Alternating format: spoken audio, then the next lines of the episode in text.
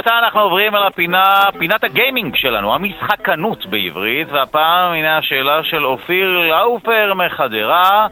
האם העולם הגיימינג יכול לזמן לנו אהבה? שלום לדוקטור חנן גזית, חוקר גיימינג, מומחה למשחוק, מרצה במרכז הבינתחומי בהרצליה וראש המרכז הישראלי של איגוד חוקרי המשחקים הדיגיטליים העולמי. שלום לך. וואו, שלום דודו, איזה שאלה, איזה שאלה מצוינת. גיימינג ואהבה! וואו, זה לא רק גיימינג, אלא בוא נדבר על המשחוק של אהבה, אתה זוכר? אתה זוכר את הקטע הזה? אני זוכר לפחות בתנועת הנוער, שישבנו כזה, היה משחק אמת או חובה.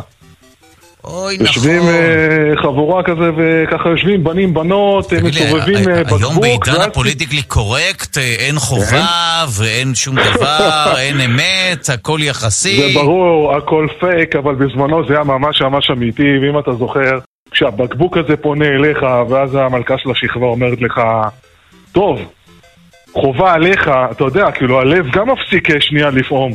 פש, אתה אוקיי. זוכר אתה זוכר את זה או שזה רק אני? זה רק אתה, אני. רק לא, אני, רק זוכר. אני, כן. כן, ברור. אז תשמע, הסיפור הזה של אה, מציאת אהבה חדשה, או שימור האהבה הקיימת, בא לידי ביטוי באפליקציות אה, משחוק, אפליקציות שמנסות למשחק את התהליך. מה זה אומר? יכול- מעניין.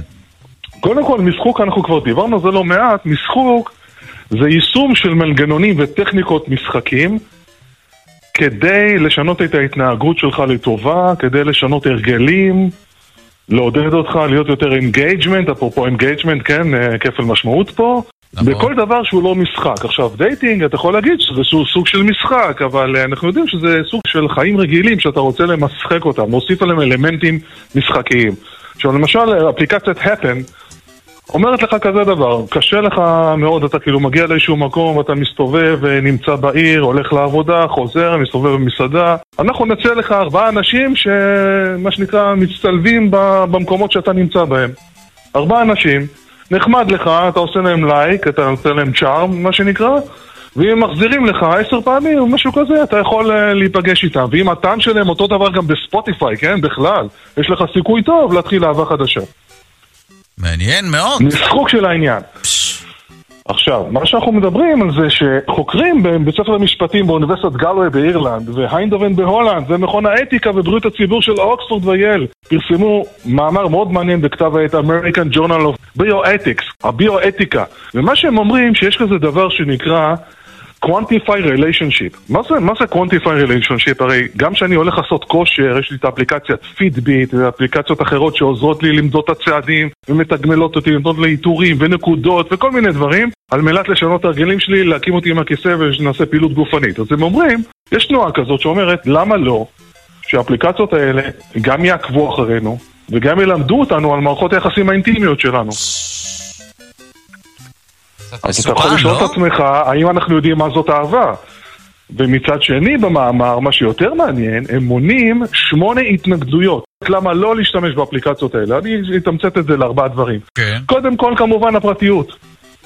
פגיעה בפרטיות, נניח ששנינו נמצאים במקום העבודה ואתה כאילו מסתכל על האפליקציה המשחקית ואתה יודע, רגע, המיטה שלי עכשיו היא גם באפליקציה הזאת, זה פגיעה בפרטיות. האם אתה מוכן לוותר על הפרטיות?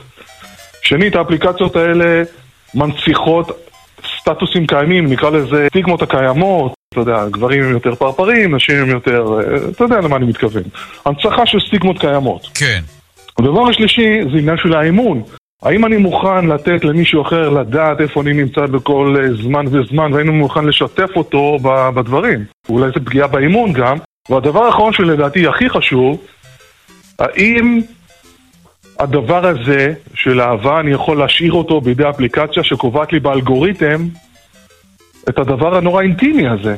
זאת אומרת, זה נורא, אתה יודע, הופך את זה למכני, שטוח, ייתנו לי פתאום אה, אתגרים, כן? באפליקציה Desire, כן, שיש בה 70 אלף אתגרים ומשימות לבני זוג שכבר קיים, נמצאים במערכות יחסים.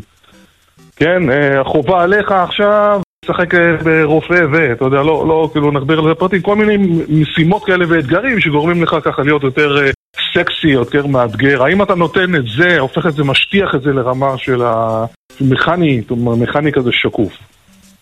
מעניין מאוד כל הפלטפורמה הזו. כן, אז מה שהם אומרים בעצם, זה שנכון שיש התנגדויות, סופרים את שמונה ההתנגדויות המרכזיות. אומרים כזה דבר. להתנגדויות זה דבר מאוד ברור.